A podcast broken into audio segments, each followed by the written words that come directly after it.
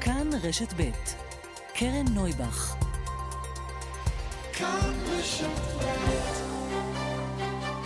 סדר יום עם קרן נויבך, תוכנית אקטואליה אחרת.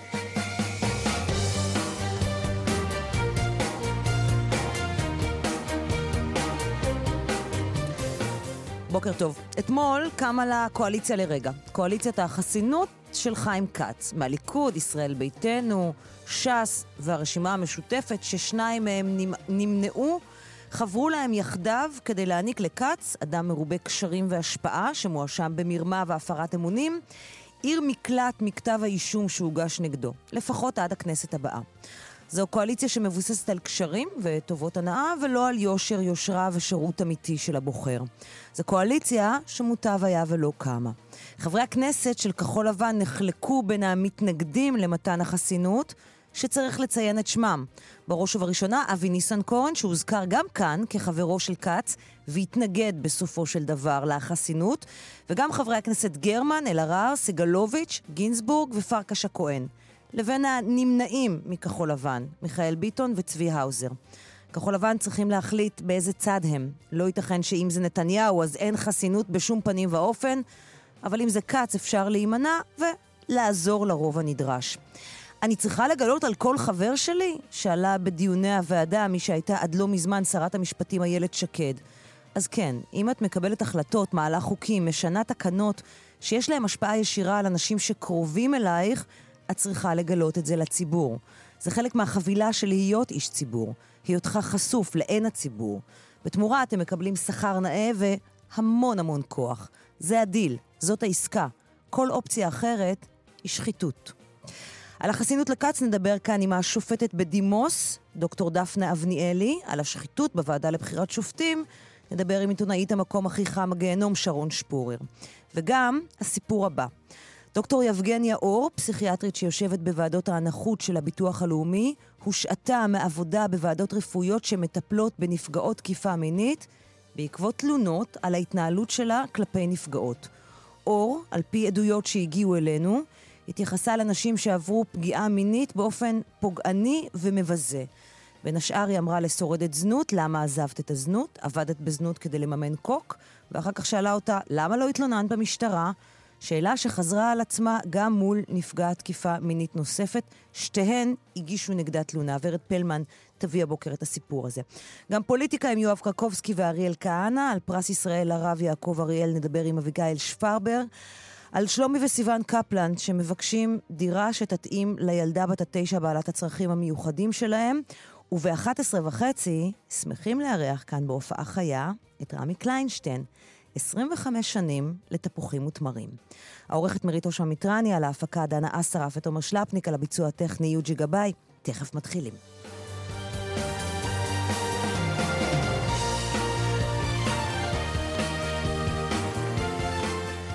לפני הכל, פרסום ראשון שמביאה ממש בדקות האחרונות, אה, כתבתנו שלי טפיירו, בהמשך למעקב הממושך שלנו אחרי סיפורה של צדיק, הקצינה, קצינת המשטרה שהעידה שניצב רוני ריטמן תקף אותה מינית, ומאז היא נמצאת בסוג של אה, סיפור שאינו נגמר, רדיפה מתמדת מצד המשטרה, שכללה בין השאר גם הגשת כתב אישום משמעתי, שכבר ההליך שלו נמשך כבר ארבע שנים.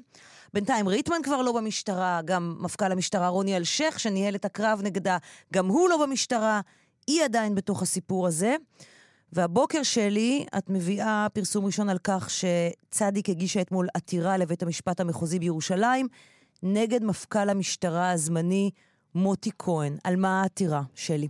בוקר טוב. כן, כן, אז בדיוק כמו שאמרת, נראה שלקצינה צדיק לא באמת נשארו יותר מדי ברירות, רק נזכיר שהמשטרה אה, חזרה בה בעצם ללא כל סיבה הגיונית נראית לעין מההסדר שבמסגרתו אותו כתב אישום משמעתי שאמרת היה אמור להיות בטל ומבוטל, והיא הייתה אמורה סוף כל סוף להמשיך בחייה, להמשיך בתפקידה אה, כקצינה, והיא בעצם עותרת בעתירה מינהלית דחופה לבית המשפט אה, המחוזי בירושלים, נוכח מה שהיא ופרקליטיה אה, מגדירים התנהלות משפטית מנוגדת לכל כללי הצדק וההגינות. הם אומרים שבעצם לא הייתה שום סיבה אה, למפכ"ל המשטרה אה, באופן אה, בלתי סביר, באופן קיצוני, לבטל את ההסדר. זאת אומרת, מבחינתה לא היה איזשהו שום צעד, שום אקט, שום דבר שיכול היה להוביל לנש...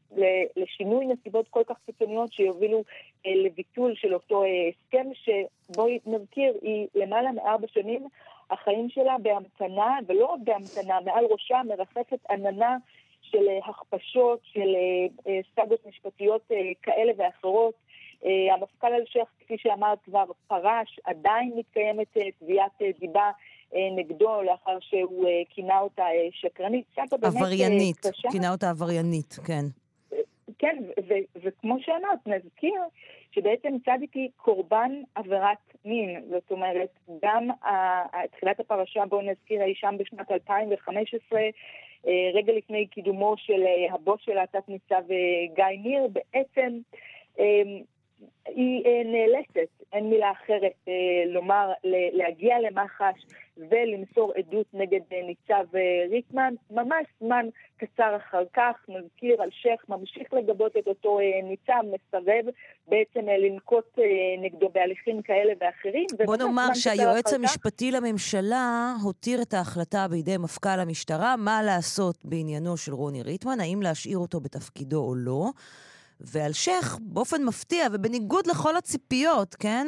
החליט להשאיר את ריטמן בתפקידו, לת... ומאותו רגע לתת לו גיבוי מלא ומוחלט, ולצאת במלחמת כל וכול, אין הגדרה אחרת, בצדיק. כן, ובסופו של דבר, אגב, הוא כן אולץ אה, באיזושהי אה, קונסטלציה כן להגיע לנזיפה. בג"ץ, בג"ץ, בסופו של כן, דבר, בנובמבר 2017, בג"ץ מבטל את החלטת מפכ"ל המשטרה אז, רוני אלשיך, להותיר את uh, מפקד להב 433, זה מה שהוא היה ניצב רוני ריטמן בתפקיד. אה, פסק דין אה, מאוד אה, ברור ונחרץ, שמותח ביקורת על כך שהמפכ"ל לא נתן משקל מספיק להתבטאויות השוביניסטיות והסקסיסטיות של ריטמן, ומבהיר שהוא לא יכול להישאר בתפקידו. אלשיך משך עוד זמן, ובסופו של דבר ריטמן עזב פחות או יותר בזמן שהוא היה אמור לעזוב, לא הרבה לפני כן. נכון, והיחידה שנשארה לשלם את המחיר זה בעצם אותה קצינה שעדיין משרתת במשטרה, שעדיין מתנהל נגדה הליך משמעתי, שקרן, יש להדגיש, מתנהל בעצלתיים. בסופו של דבר, בדצמבר, אומר אב בית הדין המשמעתי, נוכח עינוי הדין, נוכח הימשכות ההליכים, אני ממליץ למשטרה לסיים את ההליך הזה בגישור. הגישור באמת צולח, זאת אומרת, יש כבר, מגיעים סוף כל סוף למתווה. ואז המשטרה. חוזרת בה. ואז המשטרה okay. אוקיי. בעצם חוזרת על זה. לפני שבועיים, קרן, השר לביטחון פנים, גם הוא, בניסיון לסיים את הסאגה המביכה הזאת, מזמין את uh, גיא ניר, גם את uh, נציגת הפרקליטות, גם את ראש uh, uh, משאבי אנוש uh, במשטרה, בניסיון להגיע לאיזשהו מתווה. צדיק לא מוזמנת לפגישה הזאת. בוא נגיד שלום לעורך הדין ז'ק חן. שלום, שלום, בוקר טוב. מי שמייצג את uh, צדיק. אה, ומלווה אותה. כן, אני מייצג אותה יחד עם שותפתי מיכל רוזן עוזר ועם עורכת הדין תאיר בן שושן ממשרדי. למה החלטתם להגיש את העתירה אתמול בבית המשפט המחוזי נגד אה, המפכ"ל הזמני? משום שכל הדלתות נסגרו, משום שהגיעו מים עד נפש, משום שמדובר בקצינה מוחלשת מול אה, שדרת הפיקוד הבכיר ביותר במשטרה, שצופפו שורות, מול ארגון מאוד מאוד כוחני. שלטובתם נאמר, שהם רואים את המציאות במסגרת מלחמות הגנרלים שמתנהלות שם בצורה מוטעית וקשה, שמי שמשלם את המחיר עליה אה, זו הקצינה צדיק, ואחרי שהתרשמנו שמדובר בשנים ארוכות, שהיא סובלת סבל רב, משום שהיא נקלעה לאותה מלחמת גנרלים שמתרחשת מעל ראשה. ומוצאת את עצמה בהליכים משפטיים אינסופיים, שאין לה יד ורגל בהם, היא לא אמורה להיות שם. כאשר פגיעותה נפגעת ומצבה הנפשי לא פשוט. והיא כבר ראתה את הסוף. זו הייתה ממש אה, התעללות, כבר הראו לה את הסוף, אמרו לה.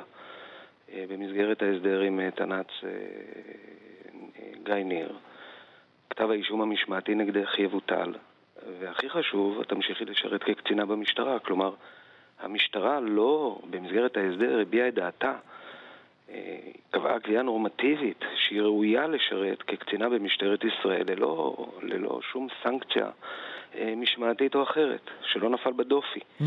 ובנסיבות האלה החזרה שלהם, אחרי שהיא כבר ראתה את הסוף, וכבר סברה שהיא הגיעה למקום שבו היא תוכל ללקק את פצעיה ולאסוף את השברים ולחזור לחייה, אז שיא השיאים היה שאמרו לה, משום שהם הסתכסכו עם גיא ניר שוב, והמשא ומתן איתו עלה על, על סרטון, אמרו לה לא. עכשיו... כלומר, רגע, אני רוצה להבין את הנקודה הזאת, שמלמד גם עד כמה היחס אליה הוא יחס מזלזל, מקטין, אה, ולא כאל אדם בפני עצמו. בגלל שהם אה, אה, הגיעו לעימות שוב, לא הצליחו להגיע להסכמה עם גיא ניר, הקצין הנוסף שנגדו יש את ההליך המשמעתי, אמרו לה, גם איתך לא נגיע להסכמה, כאילו הם תלויים זה בזה, כלומר, היא תלויה בעיקר בו. נכון, והעניין הזה מעורר אה, מלבד אה, מסקנות אה, קשות לגבי התפקיד שיש לה בתוך אה, המלחמה הזו שמתרחשת מעל ראשה. אה, גם אה, מסקנה משפטית שאומרת עד כאן, די, מספיק זה מספיק. היא לא יכולה לשמש כפיון בלוח המשחק הזה אה, עד אינסוף, לשלם מחירים אישיים אדירים, אה, בריאותיים ונפשיים. אה, כתוצאה מהפגיעה הקשה ביותר גם בהליכים המשפטיים, גם בפגיעה בשמה הטוב, כשכל העתיד שלה תלוי על חוט השערה, בהחלטות של גדולים ממנה ובמאבקים שהם מנהלים ביניהם. וכשהיא כבר הגיעה אל הארץ המובטחת ואמרו לה, אוקיי, בסדר, אנחנו מבטלים את כתב האישום ואת תשובי לשירות סדיר כקצינה מוערכת ומצטיינת במשטרה, שוב נקלע המשא ומתן, שוב מעל ראשה לסרטון, ופתאום היא קיבלה הודעה שזהו, חוזרים לבית הדין. וג... וכל התהליך הזה היה בכלל בלי שדיברו איתה, או דיברו עם uh, עורכי דינה, או שאנחנו הוזמנו לאיזשהו בירור, או לא, לא במשטרה, ולא אצל השר לביטחון פנים. הכל מעל ראשה. וחשוב להדגיש, בלי שיש טענה ושמץ של טענה כלפיה, שהיא אחראית או אשמה או נקטה באיזושהי פעולה שמצדיקה את שינוי הנסיבות ופיצוץ ההסכם. עכשיו, אה, בסיטואציה כזו, בסיטואציה כזו, מה שבולט, סליחה קרן, אוקיי. בסיטואציה כזו, מה שבולט, זו בדיוק הנקודה שאת עמדת עליה. אה, איך מתמודדים עם מערכת כל כך חזקה וכל כך אימתנית, כאשר אתה גורם מוחלש, אתה אינדיבידואל, אתה, אתה קצינה אה, זוטרה במשטרה, אה, מוחלשת, שמשלמת מחיר כל כך גדול, כשכל הדלתות סגורות ואטומות בפניה. אני חייבת לשאול אותך, אתה עורך דין ותיק מאוד. עמדת בבתי משפט, אה, אתה מכיר, אני מניחה, קציני משטרה, אתה מכיר את הארגון הזה היטב. האם נתקלת בעבר בכזאת התנהלות? אה, לא. במסגרת העבודה רבת השנים שלי אה, מול המערכות כסנגור, אני יכול להגיד לך שהרבה פעמים מלווה את העבודה שלנו תחושה של תסכול והרבה פעמים חוסר אונים. כאשר אנחנו מייצגים אה, נאשמים בדינמיקות שבאמת הדלתות נסגרות. מה שכאן בולט במקרה הזה, ובמובן הזה מדובר בתיק שהוא שונה, אה, זה שכל אה, נאשם או כל חשוד הוא מוחלש מול מערכת מאוד אימתנית. ולפעמים יש לו תחושה, בצדק או שלא בצדק, ששומעים אותו או שלא. אבל כאן זה כל כך מובהק, משום שהנתונים האובייקטיביים מצביעים על, על כך שהיא באמת הגורם החלש ביותר במערכת. שאין כלפי הטענה וחצי טענה שהיא נהגה שלא כראוי, באופן שהצדיק חזרה מההסדר שהושג איתה על ביטול כתב האישום וחזרתה לשירות אה, כקצינה מצטיינת. ואנחנו עומדים פשוט מול קיר, מול דלתות סגורות, בתוך התהליך לא משתפים אותנו, פשוט משום שהם כועסים על מי שנמצא יחד איתה באותו כתב אישום משמעתי, אה, שגדול ממנה בכמה דרגות.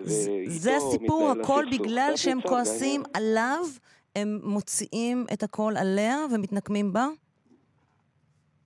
אני, אני לא יכול אפילו לתת להם את הקרדיט שהם מתנקמים בה משום שהם כועסים עליו, משום שאני חושב שהם לא חשבו עליה בכלל, זו בדיוק הבעיה, היא שקופה בעיניהם. אין טענה, הם כתבו לתנת גיא ניר, כאשר הם חזרו בהם מההסדר איתו, שהחזרה מההסדר משום שמייחסים לו חוסר תום לב. וכל כך למה? משום שבהליך אחר עורך דינו העז לספר שהוא הגיע איתם להסדר, ככל. הנראה. אגב, כך בוטל ההסדר איתה. כלפיה לא הייתה שום טענה שאפילו את הדבר הזה, כן. שהוא לגיטימי בפני עצמו, היא אחראית לו. אבל מה שבולט כאן זה ש... אני אפילו לא יכול לבוא ולומר שהם uh, מקשיחים את ליבם ומתנקמים בה בגין מעשיו הרעים או הלא רעים, תלוי איך הם רואים את זה. מישהו, הם, היא פשוט שקופה. היא קצינה, היא בן אדם. אה, כל מה שיש לה זה הקריירה שלה במשטרה. שהיא רוצה לחזור אליה, למרות הכל, היא רוצה לחזור אליה, זאת אומרת מבחינתה, למרות כל ארבע השנים הקשות האלה, היא רוצה לחזור לעבודה במשטרה? לחלוטין, לחלוטין. צריך להבין, אה, אה, הקצינה צדיק הקדישה את חייה ל, ל, למשטרת ישראל. היא התחילה לבנות שם קריירה מפוארת, היא הייתה קצינה מאוד מוערכת, היא הייתה קצינה מצטיינת. אלה כל חוות הדעת שהיא קיבלה לאורך כל הקריירה שלה. עד שבאחת זה נגדע בגלל מלחמה שלא קשורה בה. Okay. אוקיי. ומאז היא משלמת את המחיר במשך שנים, אבל זה לא אומר שהיא לא מאמינה במשטרת ישראל ובתפקיד החשוב שיש למשטרת ישראל אה, אה, ב, ב, ב, בחברה הישראלית. אה, היא רוצה בכל מאודה להמשיך לשרת שירות משמעותי, כפי שעשתה לפני האירועים האלה. אבל זה לא ניתן לה בגלל. אוקיי. דינמיקה של מלחמות גנרלים שהן פסולות מכל וכול, וכשבתוכן היא מוצאת את עצמה כשקופה לחלוטין. אני אביא את תגובת המשטרה שמגיעה אלינו בדקות האחרונות. אין בכוונתנו להתייחס לדברים, מאחר וההליך בעניינם של הקצינים עדיין תלוי ועומד. ראוי שכל שיח יתקיים בין הצדדים ולא בכלי התקשורת. כמו כן, עניין העתירה טרם התקבל במשטרה, וככל שיתקבל, הרי שאנו נשיב בבית המשפט, כמקובל. קרן, ברשותך, כן. קרן, כן, אני, אני, חייב לומר, אני חייב לומר משהו על תגובת המשטרה. כן. תגובת המשטרה באה ואומרת שראוי שהשיח בין הצדדים יתנהל ביניהם. ולא אה, מעל גלי האתר או בתקשורת. אנחנו היינו כל כך רוצים את זה, אבל במקום שהיא שקופה, שאף אחד לא פנה אליה, שאף אחד לא טוען שהיא אשמה בכך שפוצץ ההסדר, במקום שפתאום הם עשו סיבוב פרסה והודיעו לה באופן חד משמעי, אה, חד אה, צדדי, אה, שהם ממשיכים את ההליכים נגדה אחרי שהיא כבר ראתה את הארץ המובטחת, על איזה שיח בין הצדדים הם בדיוק מדברים? כן. הרי בסופו של דבר, כפי שהיא נאלצה בזמנו לעתור לבית המשפט העליון, כדי בית המשפט העליון, שהוא אביהם של אלמנות, יתומים ואוכלוסיות מוחלשות, כדי שיעשה איתה צדק בכל הקשור להתנהלות של המשטרה אז כלפיה, סביב התלונה נגד ריטמן, mm-hmm. והיחס שהיא קיבלה מצמרת המשטרה ומרב ניצב אלשיך. כך, היום אין לה שום ברירה, משום שלא רואים אותה, משום שהיא שקופה, אה, משום שפגעו בה בצורה שהיא לא מוצדקת, ובלי שום שינוי בנסיבות שמצדיק את זה. כן. לפנות לבית משפט אחר חייבים, בירושלים. אתה, בעצם מה שאתה אומר, אתם, חייבים לא, אתם חייבים להוציא את ההחלטה מידי המשטרה, כי המשטרה לא מסוגלת לראות את הסיפור הזה באופן שקול ואובייקטיבי. זה הערה שלי. והיא לא יכולה לבוא ולומר שהשיח צריך להתנהל בינינו כאשר היא בכלל לא קיימת. אוקיי. שלי, אה, משפט אחרון שלך. כן, אז רק נגיד שאנחנו גם אה, פנינו לשר הממונה, שכאמור קיים אה, פגישה, אבל הוא סירב להתייחס לסיפור הזה. השורה התחתונה, כפי שאנחנו רואים, גם במשטרה בשבוע הבא אמור להתקיים דיון נוסף בבית הדין למשמעת, במקביל ייקבע גם שוב, עוד הליך משמעתי בעקבות אה, העתירה הזאת אה, שהוגשה, רחוק מקו הסיום. ואנחנו נמשיך ונעקוב. שלי, תודה רבה על הסיפור שהבאת כאן הבוקר בפרסום ראשון, ועורך הדין ז'אק חן, שמייצג את צדיק, אה, תודה רבה שדיברת איתנו הבוקר. אני מאוד מודה לכם. תודה. תודה רבה. פרסומת ותכף נשוב. 10.26 10.26 כאן uh, בסדר יום. עכשיו uh, למה שהתרחש אתמול uh, בכנסת ישראל. חברי ועדת הכנסת מעניקים חסינות לחבר הכנסת חיים כץ, שעומד מול כתב אישום באשמת מרמה והפרת אמונים. בבקשת החסינות תמכו 16 חברי כנסת, כל חברי הכנסת מהליכוד. כל חברי הכנסת מש"ס, חברי הכנסת מהימין החדש, ביניהם איילת שקד, לשעבר שרת המשפטים ואופיר סופר, כל חברי הכנסת מישראל ביתנו, חברי הכנסת מיהדות התורה. עשרה התנגדו, ביניהם חלק מחברי הכנסת של אה, כחול לבן, חברי הכנסת של עבודה גשר, עופר כסיף מהרשימה המשותפת, תמר זנדברג מהמחנה הדמוקרטי, וארבעה נמנעו. שניים מכחול לבן, האוזר וביטון, ושניים מהרשימה המשותפת, אחמד טיבי ומנסור עבאס. שלום לעמוד שפירא, כתבנו לענייני משפט. שלום קרן. קואליציה מרתקת. אבל כן, מה, ש- ש... מה כן. שלא פחות מרתק זאת הידיעה שהבאת אה, הבוקר אה, על אה, תגובתו של היועץ המשפטי לממשלה. אני לא זוכרת הרבה פעמים שהיועץ המשפטי לממשלה מעביר בשמו, כן, למרות שהוא לא התראיין רשמית, אבל מעביר, מעביר בשמו מילים כל כך קשות. כן, היועץ המשפטי... אנחנו איננו שומעים את אמוץ. אמוץ? ומו...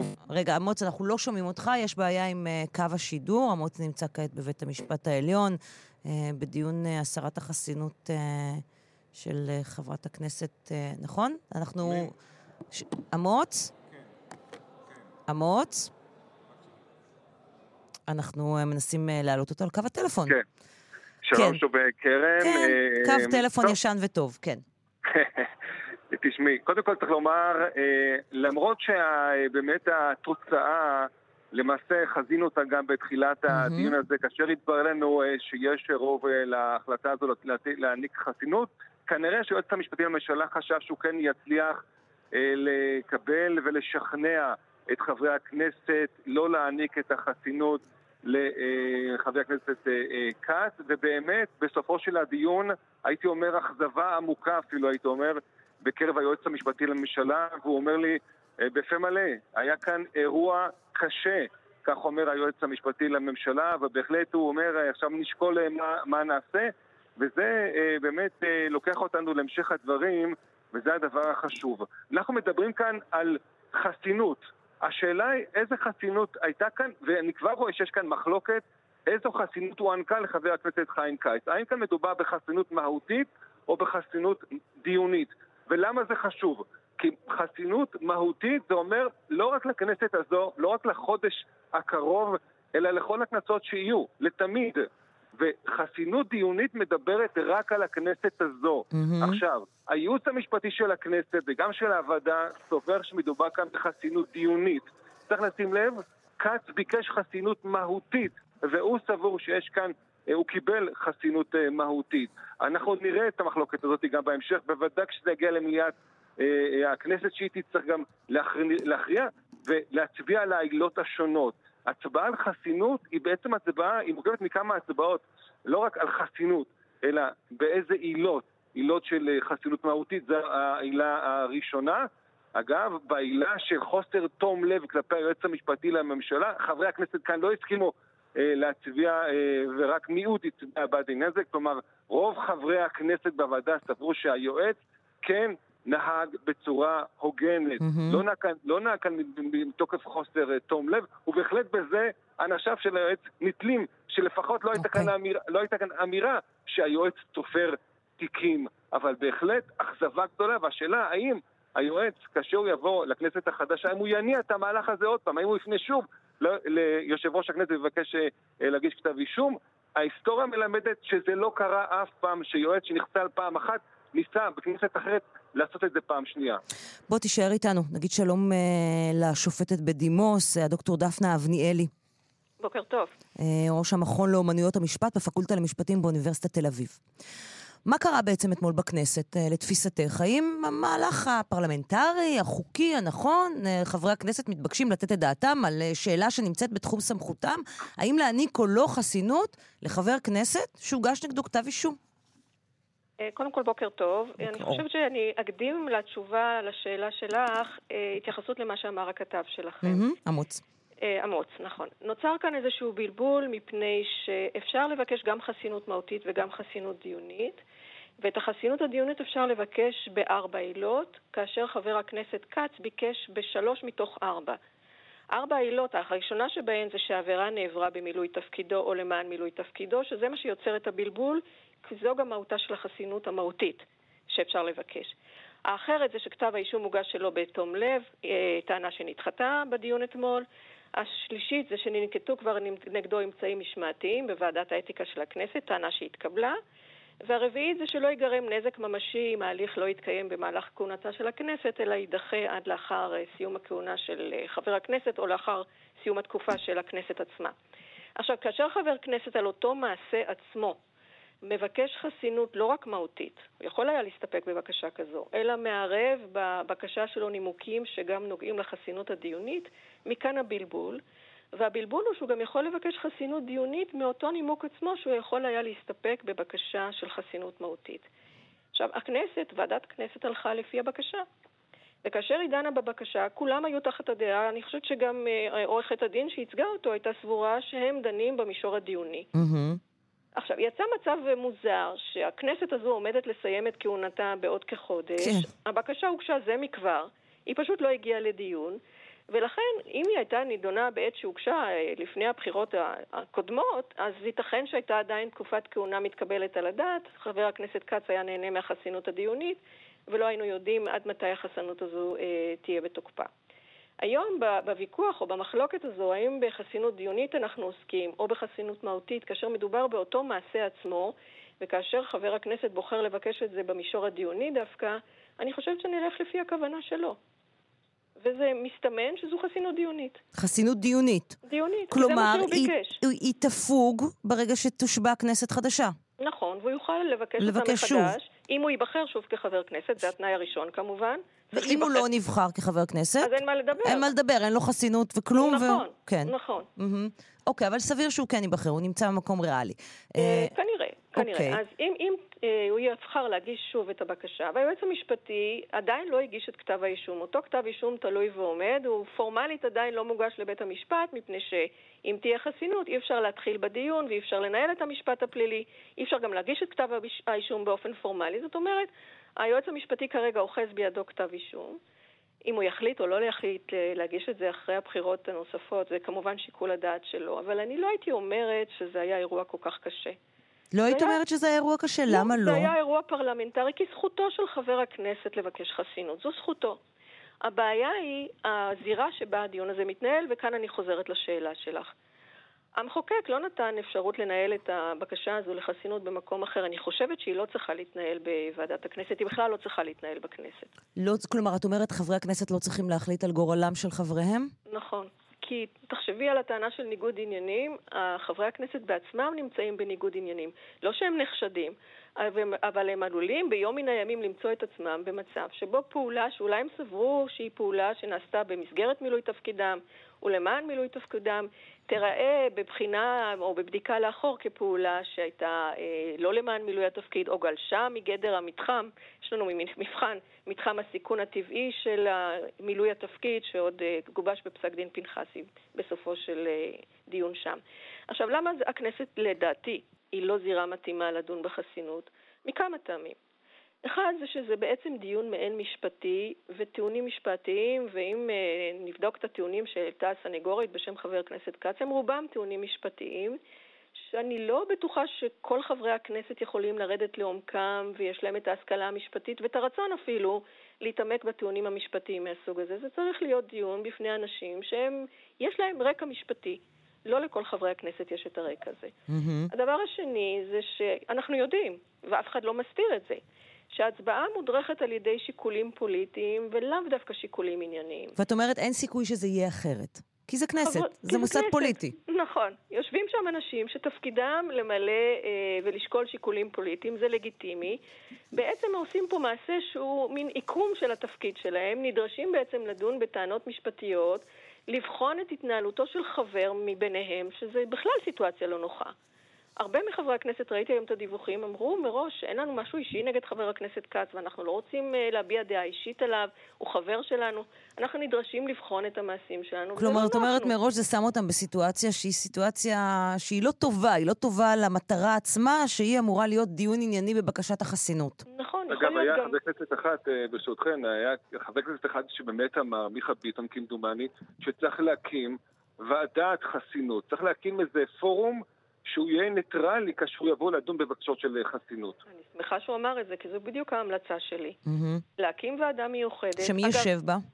תכף נאמר, אבל יש כזה דבר כבר, ב, כשדנים בהשעיה של ראש, ראש רשות מקומית, ראש עיר שעומד להיות מוגש נגדו כתב אישום, או מוגש נגדו בעצם כבר כתב אישום, מקימים ועדה מיוחדת, זה לא ראש העיר דן בזה, ולא חברי מועצת העיר דנים בשאלה אם להשעות את ראש הרשות או את ראש העיר, אלא מקימים ועדה מיוחדת לפי החוק, בראש הוועדה הזאת, מה שהחוק קובע שם, זה צריך להיות שופט בית משפט מחוזי בדימוס, משפטן וראש רשות מקומית לשעבר. צריך להקים ועדה דומה, שבראשה גם יעמוד אה, שופט, או שופט בית המשפט העליון, בכל זאת אה, מדובר בחבר כנסת. Mm-hmm. אה, זה יכול להיות גם נכון לגבי ראש ממשלה שמבקש חסינות כחבר כנסת, ואנחנו יודעים שהייתה סיטואציה כזו כן. במדינת ישראל. אכן. אכן. אנחנו גם יודעים שבגלל השיקולים הפוליטיים הבקשה הזו נמשכה. בדיוק מאותו אה, נימוק שאני אומרת, זה לא תמיד יפעל לטובת המבקש. יכול מאוד להיות שהמבקש, בין אם זה ראש ממשלה שמבקש כחבר כנסת, או בין אם זה חבר הכנסת עצמו, יהיה מודע לחשש שהסיכונים והסיכויים לא פועלים לטובתו, לאו דווקא כמו okay. אוקיי. שהיה בסיטואציה כאן. אני, אני, אני רוצה... כן, ממש בקצרה, אמוץ. אני, אני כן. רוצה בכל אופן להשחיל פה שאלה ולהחזיר אתכם לשאלה של החסינות המהותית והדיונית, כי השופט קיטסטן כזה הנחה שהבקשה הייתה לחסינות דיונית. אני קורא כמה משפטים בפתח, מהדברים שנעשה נבית נגב, בת כוחה של, של כת, והיא אומרת, אנחנו דנים בחסינות מהותית.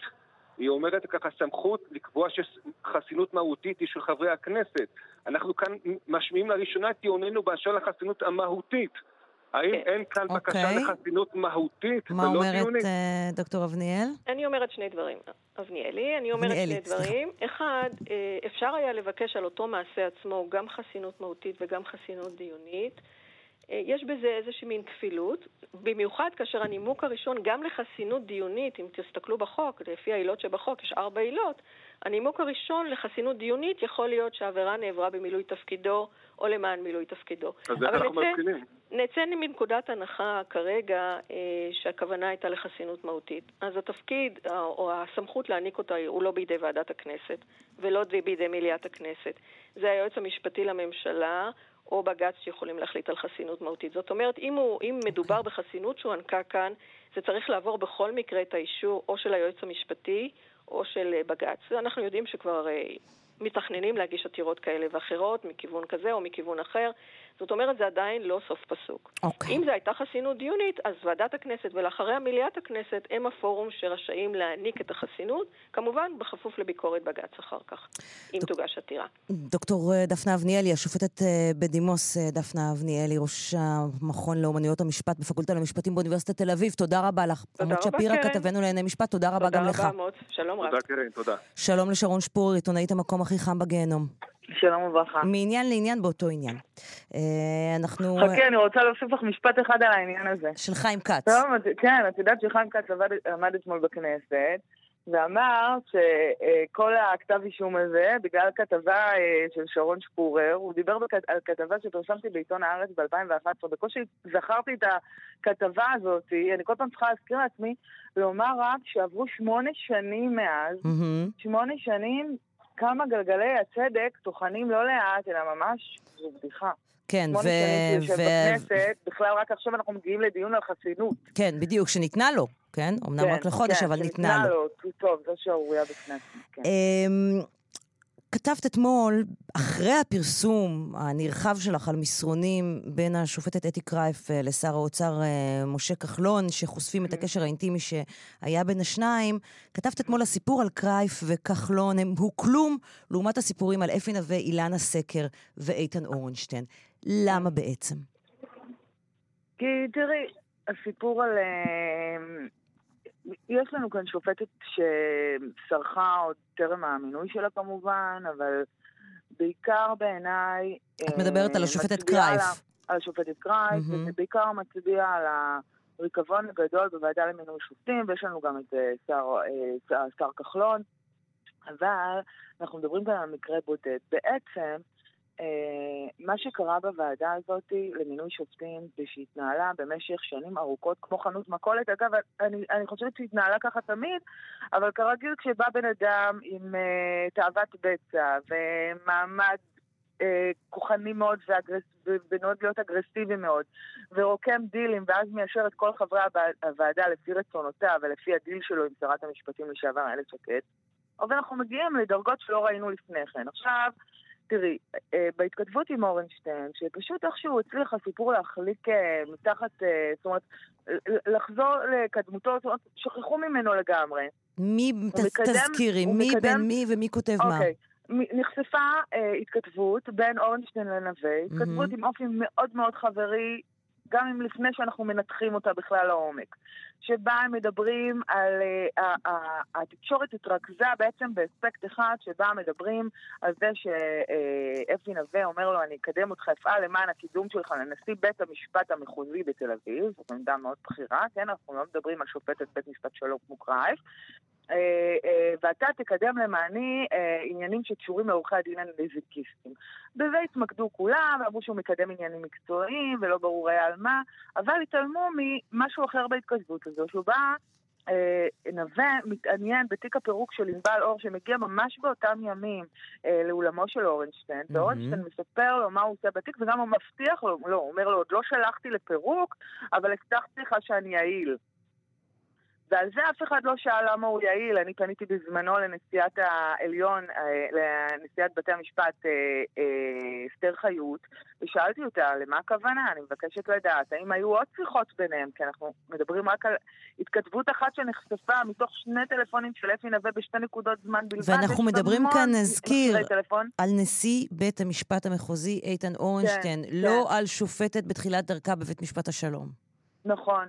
אף אחד לא נותן על זה דין וחשבון, הם מסרבים לענות בבתי המשפט על מה מדובר. איתן אורנשטיין ממשיך לשבת בתיק הפירוק של ענבל אור וצפוי לקבל בקרוב החלטה מהותית, וכל זה בזמן ש... יו"ר לשכת עורכי הדין לשעבר, אפי נווה, בחש בתיק הזה, ביחד עם המון עורכי דין שמקורבים אליו, והגנו וייצגו את ענבל לאורך, לאורך השנים, ופחדו שהאש תגיע אליהם, גם התקשורתית וגם הפלילית. נעשו שם מעשים בלתי יאומנו, תוך כדי שהוא מנהל משא ומתן, אפי נווה, בשם הלקוחות שלו, רואי חשבון שטיין וצמינוח, שהתרשלו בפיקוח על ענבל mm-hmm. מול המפרק איתן ארז, אפי נווה מעביר לו בוררויות במיליוני שקלים לאותו איתן ארז אחרי שנים שהם לא דיברו. זאת אומרת, זה דברים שראויים לחקירה בצורה מאוד מאוד יסודית, ואף אחד לא בודק אותם. עכשיו, אני אתן לך עוד סיפור שהוא בעיניי עוד יותר מזעזע, שבכלל לא נחשף, זאת אומרת, משום טלפון ומשום דבר. עורכת דין אילנה סקר, זאת נציגה של אה, לשכת עורכי הדין בוועדה למינוי שופטים. Mm-hmm. היא ישבה לאורך השנים תחת אפי נווה. אפי נווה היה נכנס לחדר הוועדה למינוי שופטים רוקם דילים עם איילת שקד מאחורי הקלעים, ויושב נוכח בתוך דיוני הוועדה, ואומר לנציגים של הלשכה מה לעשות. כשהוא לא חבר בוועדה, לפני שהוא... כשהוא לא חבר בוועדה mm-hmm, בכלל. כן. רק ב-2018 הוא הפך להיות חבר ועדה. עכשיו, הוא בעצם דוחף מינויים, והם מצביעים כמו שהוא רוצה בסופו של דבר, את יודעת, בהצבעה האחרונה הפורמלית. ואותה, אה, הוא לאורך השנים מעביר לעורך הדין אילנה סאקר יותר מ-20 בוררויות למשרד שלה. אנחנו מדברים על מיליוני שקלים שהוא מעביר לה בהיקף כללי, mm-hmm. שבוררויות יש להם שכר טרחה יותר נמוך כמובן, אבל בכל מקרה הוא מסדר לה כל הזמן, מזרים לעבודות. היא בחקירת משטרה אומרת שהיא גם מבקשת ממנו את העבודות האלה לפעמים. היא אגב טוענת בחקירת המשטרה שלמיטב זיכרונה היא קיבלה רק שש או שבע בוררויות בזמן שהיא קיבלה, אמרתי לך, כ-20 לפחות, גם מאפי נווה וגם מינון איימן, אה, יו"ר ועד מחוז תל אביב. עכשיו, אני לא רוצה להעמיס יותר פרטים, אני מנסה להגיע לשורה התחתונה. מה שקורה, באיזשהו שלב מחליטים אפי נווה ואילנה סקר לקדם את השופטת אושרית הובר היימן. מי זו אושרית הובר היימן? נו. היא אשתו של שותף פוליטי של אפי נווה, אה, עורך הדין ינון היימן, שיושב בוועד מחוז תל אביב. חודש אחרי שאילנה סקר מצביעה בעד הקידום של אותה שופטת, ינון היימן מעביר לה בור, אה, בוררות בהיקף של מיליון שקלים. עכשיו זה בלי טלפון, בלי התכתבויות, בלי שום דבר. זה משהו שהוא הוא, הוא מחריד מבחינת אה, יחסי תן וקח בין נציגי הוועדה לבין אה, אנשים שמתמנים לתפקידי שיפוט. זה מקרה הרבה יותר חמור מאתי קרף, את זה אף אחד לא בודק. זאת אומרת, כל חברי הוועדה למינוי שופטים צריכים לעבור או, או, או חלק מהם צריכים להיחקר על כל הדברים האלה. כולל איילת שקד, שרת המשפטים לשעבר? די, כי עורכת ימין איילת שקד מספרת בחקירות המשטרה, הוועדה, אני הייתי מגיעה לוועדה עם מינויים מבושלים. זה מה שהיא משתמשת, זה המונח שבו היא משתמשת. המינויים mm-hmm. היו מבושלים, זה, היה, זה נאמר ביחס לחקירות של... זאת אומרת, זה נאמר במסגרת החקירות של אתי קרייס, אבל היא דיברה באופן כללי על איך, איך התנהלה הוועדה. היא הייתה מגיעה מבוש... עם המינויים מבושלים. נשיאת העליון לשעבר אה, אה, מרים נאור מספרת בוועדה שהיא חשבה שזה לא תקין שאפי נווה יושב בוועדה, וזה מנוגד לחוק, ולא עשו שום דבר. זאת אומרת, אנחנו מדברים כאן ממש על אנשים שמינו באופן סדרתי, אנשים שמקורבים להם, שיקולים לא מקצועיים, כל מיני יחסי תן וכך שאנחנו גם לא יודעים עד הסוף, והמשטרה לא חקרה מאומה. למה? לא חקרה שום דבר. למה לדעתך?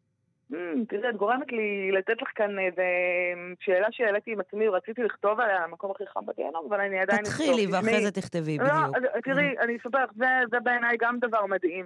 אה, זאת אומרת, אחרי שהחומרים הגיעו לפרקליטות, הפרקליטות, כל החומרים מהטלפונים של אפי נווה, כן? הועברו לפרקליטות על ידי הדס שטייף. ואז אה, בפרקליטות הם לא יכולים לראות את החומר, בוא נגיד פורמלית, אני לא יודעת מה הם עשו להנאתם, כן? אין לי מושג, לא מתחייבת על זה, אבל בעיקרון הם לא יכולים להסתכל על החומר, הם צריכים לקחת אותו לבית המשפט ולשאול את בית המשפט מה הם יכולים לחקור מתוך החומר. אז הם פונים לנשיאה אסתר חיות ואומרים לה אה, לאיזה אה, בית משפט להגיש את הבקשה הזאת, כי הם כבר יודעים גם שמעורב כאן, אה, כאן שופטים, והיא אומרת להם תגישו את זה לנשיא בתי משפט השלום אביחי דורון. אביחי דורון מקבל את כל החומר. מתוך כל החומר בטלפונים של אפי נווה הוא בוחר בסך הכל שלוש פרשיות מגוחכות. הוא לא מורה לחקור חומרים שקשורים למינוי של איתן אורנשטיין. הוא לא מורה לחקור על חומרים שיש, שמדברים על איזה מערכת יחסים בין השופט, אה, אה, בית משפט העליון אה, יוסף אלרון לבין אפי נווה. הוא לא מורה על חקירה של נושא שעולה מהחומר ומדבר על כך שאפי נווה ביחד עם איילת שקד קידם חוק לטובת מקורבים שלו. אה, אה, כשהם פוקדים לה ביחד איתו, הם רוקמים מפקד וממש. פוקדים בפועל אה, אנשים לבית היהודי. כל הדברים האלה הוא לא מורה לחקור, הוא מורה לחקור שלוש פרשיות בסך הכל. את אתי קרייס, את אה, סיפור נוסף על עורכת דין אה, שנשואה לשופט שאפי נווה ניסה לקדם וגם היא קיימה איתו יחסי מין, ועוד סיפור על מתמחה. שתי הפרשות האחרונות, המשטרה לא מצליחה להרים את נטל הראייה, זה קצת כן, אירוני כן, להשתמש לא נוכל הזה להשתמש יותר לא בביטוי הזה להוכיח בדבר לעולם, הזה, כן. כן, כן. לא, מה אני אעשה? זה יצא לי טבעי עכשיו. ואת הפרשה היחידה שמגיעה לישורת האחרונה זאת אתי כרייף. ואתי כרייף היא כאמור דג רקק. מערכת הקשרים של אפי נווה עם שופטי ישראל הייתה אה, פשוט אדוקה מדי. הם היו נוסעים איתו לחו"ל על חשבונו חלק מהם. אני מדברת איתך על השופטים הבכירים ביותר.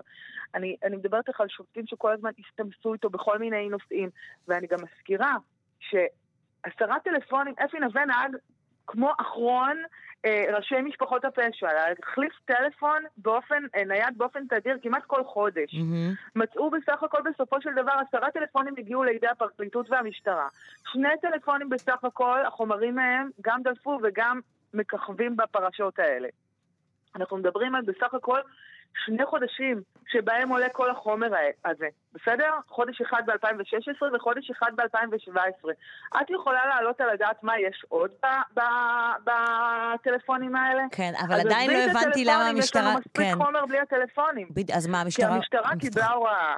ממי? אני- רגע, בואי נתחיל ככה. ענייני כחלון וקרייס למשל עלו בחקירה, ואת זה המשטרה הייתה צריכה לחקור ולא חקרה, היא מיהרה לסגור. חקרה את קרייס, חקרה את כחלון, אמרה, אוקיי, אנחנו לא יכולים להוכיח שום דבר, נסגור, נסגור את התיק. כן. אגב, אני אוקיי, רוצה לא להגיד לחקור פה משהו... לא לחקור את כחלון בטרילית. רגע, אני, אני. רוצה, אני רוצה להגיד Mhm. פה משהו באמת ברמה עקרונית, שלא קשור למה שאת מתארת כעת. אני כן. נגד אה, האישום של אה, שוחד מיני, כי אני, אני חושבת שזה צריך לעבור מן העולם, כי הוא אה, שם את האישה בתפקיד הזונה. אה, עצם העובדה ששני אנשים שקיימו ביניהם קשר אינטימי, אחד מהם דוחף למינויו של השני, זה לא תקין. לא, מסכימה איתך. זה, מסכימה איתך. הייתי חייבת להגיד את הסוגריים האלה, זה אני משגע אותי כבר כמה ימים, אני העניין לא הזה של השוחד משתמשת המיני.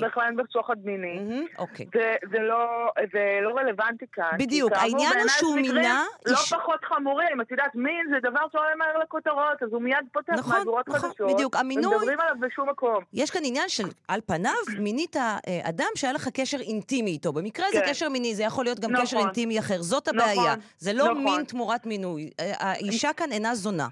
נכון. עכשיו, נכון. שרון, אם נותרו כבר לנו... הגבר זנאי, קרן. אוקיי. שרון, נותרה כן. לנו דקה וחצי. דקה ועשרים כן. שניות. סכמי לי. כן. כן, תשמעי. תעני לי על. ה- על. על ה- ממי המשטרה קיבלה הוראה לא לחקור. לא, אז אני, לא, אז אני אומרת לך רגע, אז יש את הסיפור הזה של כחלון וקרץ שעולה מהחומרים, בחקירה, שזה החלטה של המשטרה לא לחקור את כחלון באזהרה, אוקיי? אבל אני מדברת לך על דבר חמור יותר. מי שהחליט בסופו של דבר מה לחקור מכל החומרים של אפי נווה, אני מדברת איתך על שופט בבית המשפט, רק הוא ראה את החומרים ורק הוא החליט שחוקרים רק את אתי קרייף, אבל את השופטים הבכירים בבית המשפט, הוא לא, הוא, הוא לא הורה לבדוק בכלל. כלומר, הוא מגן על חבריו. אני מדברת איתך על בכלל מערכת בתי המשפט, גם נשיאת העליון אסתר חיות, היא חייבת להתעורר ולהורות על חקירה מאוד מהותית נגד שורה של אנשים שמקורבים לאפי נווה, ידועים כמקורבים, שורה של אנשים שהוא מינה בוועדה למינוי שופטים שהוא לא היה צריך בכלל לדון בהם. אנחנו מדברים על אנשים, תראי, גם הכי חמור בזה סיפור הזה, אנחנו הרבה פעמים מדברים בתקשורת על שופטי עליון, נכון? מינו אותם בגלל האג'נדה הזאת, ומדברים על מלחמה בין ימין לשמאל, ובמה השופט הזה מאמין, ומה השופט הזה מאמין. זה בכלל לא הפואנטה. הפואנטה היא בערכאות היותר נמוכות, זה הכי נורא, שאנשים מגיעים לבית המשפט, ניצבים בפני שופטי בית משפט שלום, או מחוזי, או, או בתי דין למשפחה, ששם הכאוס עצום. לסיים משפט. אנחנו לא יודעים איך אף אחד מתמנה, ושם הבעיה של אמון הציבור, אנשים לא יכולים כן. לפתוח בבית המשפט כשהם אוקיי. יודעים על קומבינות של שופטים עם אפי נווה. שרון שפורר, עיתונאית המקום הכי חם בגיהנום. אני מסרה בפנייך שוב בפעם האלף את הכובע שאין לי. תודה רבה לך. תודה. תודה. פרסומת ותכף נחזור. אה, מסיימים שעה ראשונה של סדר יום, פרסומות, חדשות, ותכף שעה שנייה גדושה מלאה ומעניינת שבסופה יהיה כאן רמי קליינשטיין. אל תלכו לשום מקום. כאן רשת ב' קרן נויבך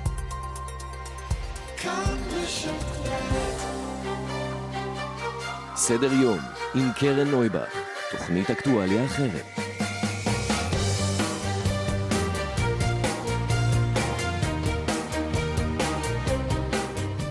בוקר טוב, 11 דקות, שעה שנייה של אה, סדר יום. תכף נביא כאן את הסיפור של ורד פלמן, פסיכיאטרית שיושבת בוועדות של הביטוח הלאומי, שבין השאר מטפלות גם בנפגעות תקיפה מינית.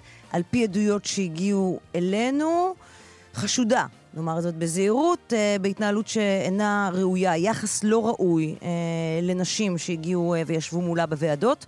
אה, ומשום כך אה, הופסקה עבודתה באותן ועדות. אנחנו נדבר עם אחת הנשים שישבו מול אותה פסיכיאטרית, אה, שחשודה פשוט ביחס חסר רגישות ופוגעני כלפי נפגעות תקיפה מינית. אביגיל שפרבר, יוצרת קולנוע, מקימת בת קול, ארגון נשים גאות דתיות, תדבר כאן על מי שעומד לקבל את פרס ישראל, הרב יעקב אריאל. ואנחנו נביא את הסיפור של משפחת קפלן, שיש להם ילדה בת תשע עם נכות. שלא יכולה להגיע לדירה אה, שלה, אה, כי היא פשוט גבוהה מדי, כי יש מדרגות, והם מבקשים לעבור לדירה אחרת. ועד עכשיו זה פשוט לא קורה, למרות כל הבקשות והתחנונים. וב-11 וחצי, הוא כבר באולפן, ב-11 וחצי אנחנו נקבל אותו במלואו. שלום לרמי קליינשטיין. שלום קרן, שלום מאזינים, מאזינות. מה שלומך? אה, בסדר גמור. שלום לרוני ורטהמר. אהלן אהלן, רביעי שמח. 25 שנים לתפוחים ותמרים. עברו ביעף. מה זה? וזה רק תפוחים ותמרים. כן. כן. טוב, 25 שנה זה טוב, אני מיד לוקחת את זה למקום שלי, זה קצת קשה לי, זה אומר לי שאני בת 50 וזה. חשבתי שאת לוקחת את זה למקום שלך, כי זה מה שאת בעצם אוכלת רוב ימייך. זה גם נכון, מאיפה אתה יודע? כי גם אני יודע לעשות תחקירים, לא רק... הבנתי. יפה. יש פה שתולים. כן, בדיוק. טוב, אז על כל הדברים האלה, גם על מזונות וגם על גילאים וגם... ומוזיקה. וגם מוזיקה, אחרי 11 וחצי. רמי קליינשטיין, איזה כיף שבאת. תודה רבה. אנחנו תכף מתחילים.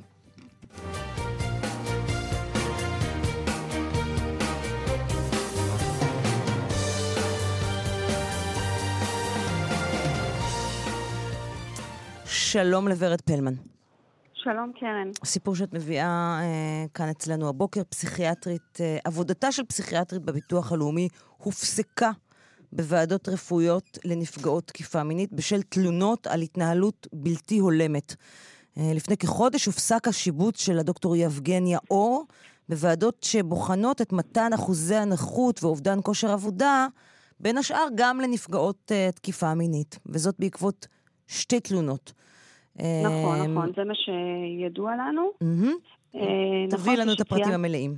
אנחנו מדברות על פסיכיאטרית אה, בוועדות הרפואיות של ביטוח לאומי, בין היתר אותה פסיכיאטרית אה, הייתה מאבחנת נפגעות תקיפה מינית, כפי שציינת קובעת להם אחוזי נכות, אובדן כושר עבודה בהתאם אם צריך, ועד שלביטוח הלאומי הגיעו שתי תלונות על ההתנהלות שלה, שתי תלונות רשמיות של אה, נגד אותה אה, דוקטור אור. לפני כחודש הוחלט שלהפסיק לשבץ אותה לעת עתה, לפי שעה, לוועדות הבוחנות נפגעות תקיפה מינית, לא לכלל הוועדות.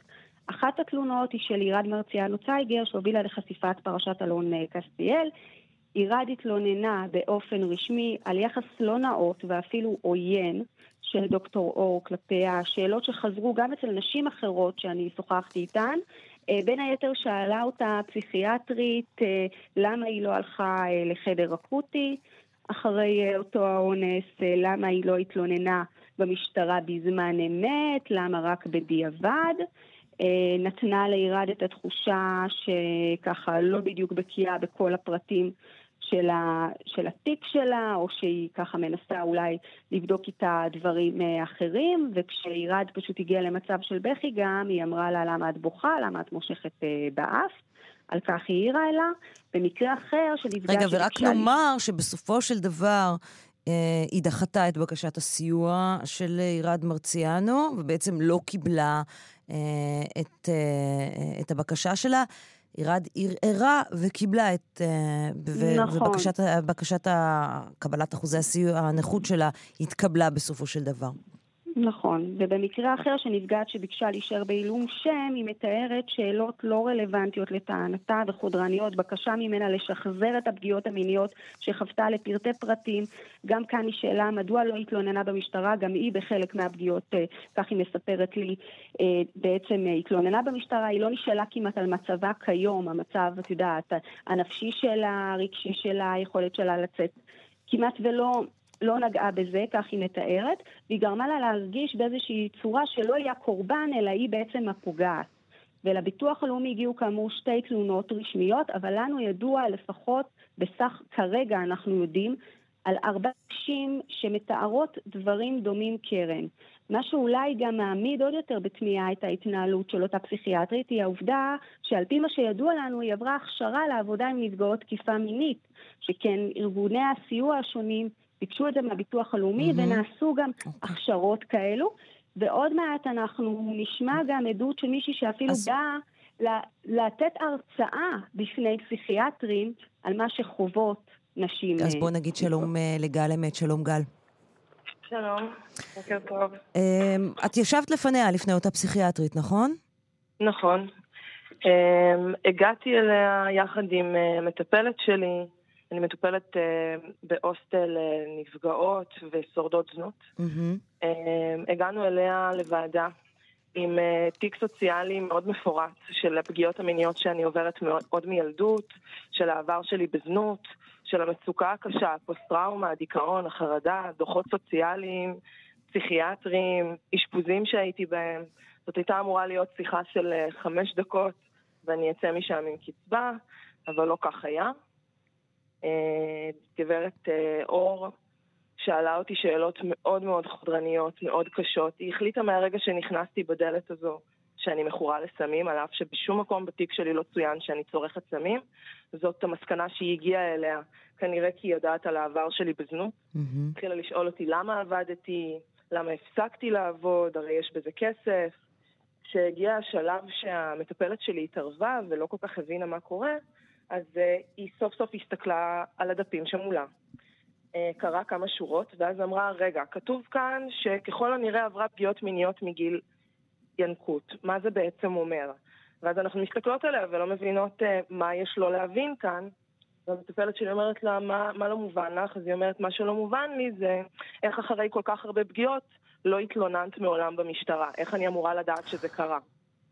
זה, מה, זה מה שהיא אמרה לך. זה מה שהיא אמרה לי. שאלה אותי את השאלה, אמ, האם אי פעם צרכתי סמים? אה, כשענינו לה שאנחנו לא מבינות אה, למה זה רלוונטי, כי זה לא מופיע בתיק, אני, מהלחץ, פשוט אמרתי לה, כן, ניסיתי פעם משהו. ואז היא אמרה, זה פשוט הרבה כסף, אני מנסה להבין איך הגעת לזנות, זה בשביל לממן סמים. אז uh, אם עשית כסף בזנות, למה טוענת שיש לך אובדן כושר עבודה? תחזרי לעבוד. זה מה שהיא אמרה לך? תחזרי לעבוד? זה מה שהיא אמרה לי. נוסף על זה, היא ניסתה להכשיל אותי, היא התחילה לשאול אותי כל מיני שאלות על כדורים פסיכיאטריים. כשטענתי בפניה שבהמלצת הפסיכיאטר שלי אני לא מטופלת הרבה מאוד זמן על כדורים, אבל שבעבר כן הייתי מטופלת. שאלה אותי איזה כדור, אמרתי לה את שם הכדור. ואז היא ניסתה להכשיל אותי ש... ו... ולגרום לי אה, לספר איזשהו סיפור כדי שהיא תוכל לכתוב שאני לא לוקחת כדורים שלא בהמלצה אלא על דעת עצמי, שאני מסרבת לטיפול. היא שואלת אותי מה צבע הכדור, אני עונה לה את הצבע, היא אומרת לי לא נכון, אני אומרת לה כן נכון, היא אומרת לי לא נכון, אני אומרת לה כן נכון, ובאיזשהו שלב מהלחץ והחרדה אמרתי לה צבע אחר. ואז היא מסתכלת על הקצרנית ואומרת לה, אוקיי, תכתבי בבקשה שה, אה, שהמרואיינת משקרת לגבי הכדורים שלה, ואז היא אומרת את הצבע שאמרתי בשלוש פעמים. אה, כלומר, היא בעצם ביקשה להכשיל אותך.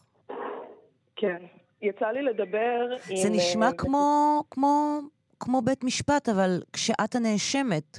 ממש. אני מלווה, חוץ מה, מהסיפור והמקרה שלי, אני מלווה גם uh, אנשים אחרים שעוברים את תהליך מיצוי הזכויות. מעולם לא שמעתי על חקירות פולשניות כאלה, זאת אמורה להיות שיחה של כמה דקות.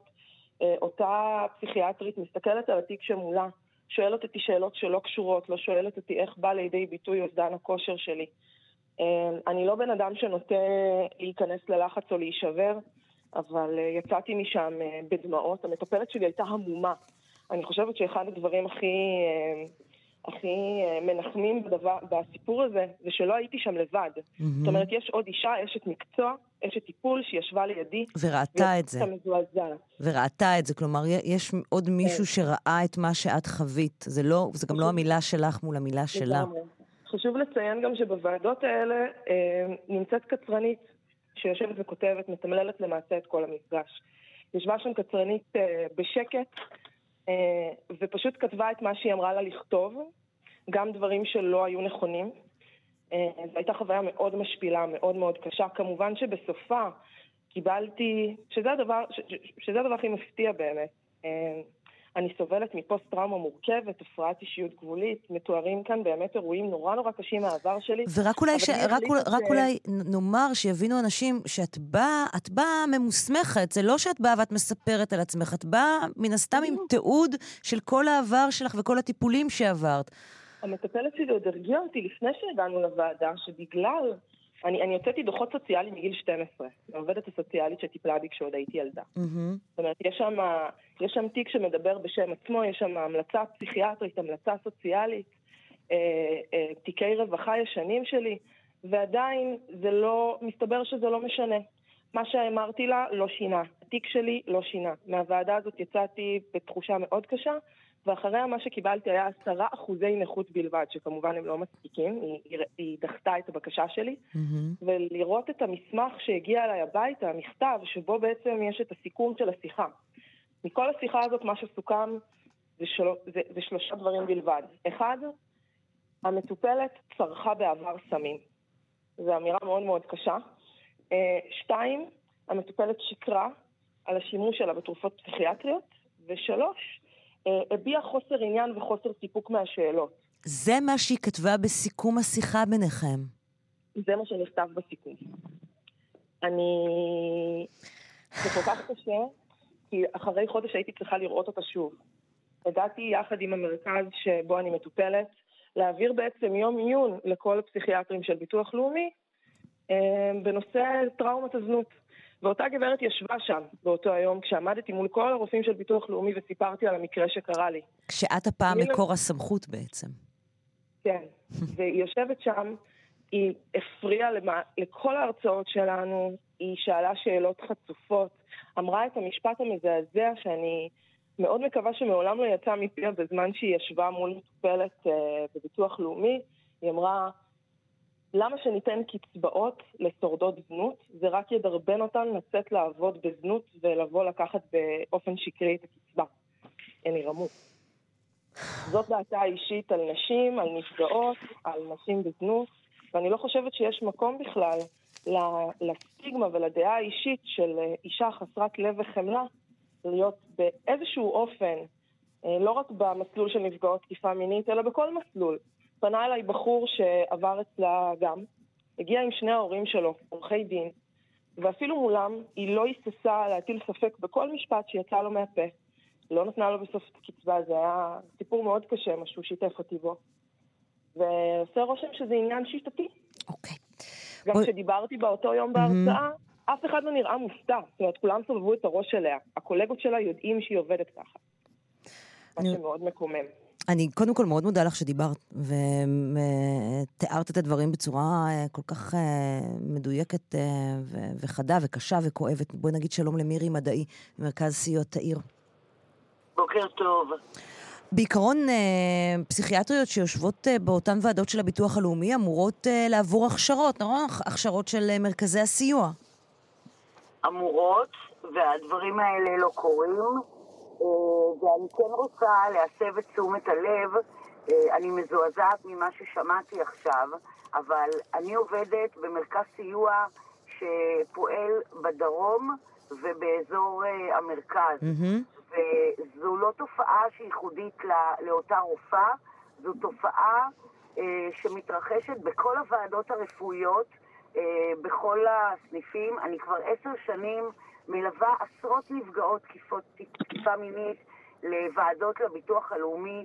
יש חוסר הבנה אה, אה, מאוד מאוד קשה לפסיכיאטרים האלה אה, לגבי מה זה בכלל נפגעת. יש נפגעות שמעולם לא סיפרו על הפגיעה שלהם. בגילאים של 30, 40, 50, פתאום עושות את הקשר בין הפגיעה המינית לבין מה שקורה להם בחיים, שהן לא מחזיקות מקום עבודה, שהן לא מצליחות בכלל להגיע לעולם התעסוקה, ואז הן עושות את החיבור בין, בין התופעות האלה, ההשלכות האלה, לבין אה, אה, הפגיעה המינית, ואז אנחנו מלוות אותן לביטוח הלאומי. חלק מהן אין להן מסמכים, וזה לא משנה, גם אלה שיש להם. יש התעלמות מוחלטת של הפסיכיאטרים בוועדות מה, מהמצב הנפשי שלהם. Mm-hmm. השאלות הן לא רלוונטיות. למה את לא קמה בבוקר? למה אין לך חברות? אם תקומי בבוקר תוכלי ללכת לעבודה. וה... אלה השאלות שהן נשאלות, כי הרי אה, היא לא קמה... אלה השאלות שהן נשאלות. זה, זה, זה, זה, את יודעת, זה, זה מגוחך. היא מגיעה לוועדה אה, נכון, לקבוע נכות נכון. נפשית כי היא לא קמה בבוקר. זאת נכון, התופעה. וזה נאמר בכעס ובהתרסה. והדבר המקומם ביותר, שכשמקבלים את, ה, את הפרוטוקול הזה, הוא תמיד נפתח ב, ב, במילים המזעזעות האלה, אה, מסודרת בלבושה, אה, אה, מוקפדת בהופעתה, מה זה קשור? למה זה רלוונטי? כאילו, אם היא תבוא סתורת שיער ולא מאופרת, אז יאמינו לה? מה, מה זה הדבר הזה? זאת לא זכותה של אישה כשהיא יוצאת מהבית להיות מסודרת ומוקפדת בלבוש שלה? למה זה רלוונטי?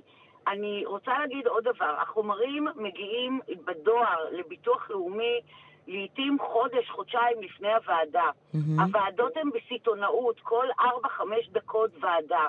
Uh, את נכנסת פנימה עם הנפגעת, את מיד מבינה שהפסיכיאטרית בכלל לא קראה את החומר.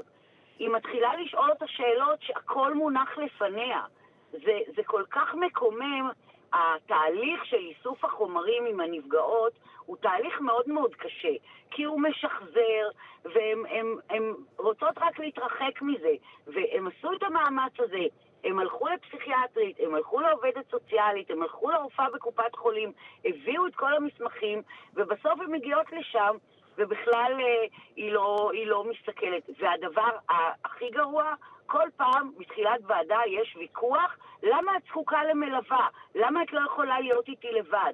היו תקופות שהם היו מסרבים בתוקף שהן אה, מתנדבות ממרכזי הסיוע בכלל, ישבו עם נפגעת ב... זאת זכות בסיסית גם כשאני נכנסת לקופת חולים לעשות זריקה אצל האחות או אצל הרופא שתהיה איתי מלווה, זה כתוב על החלון.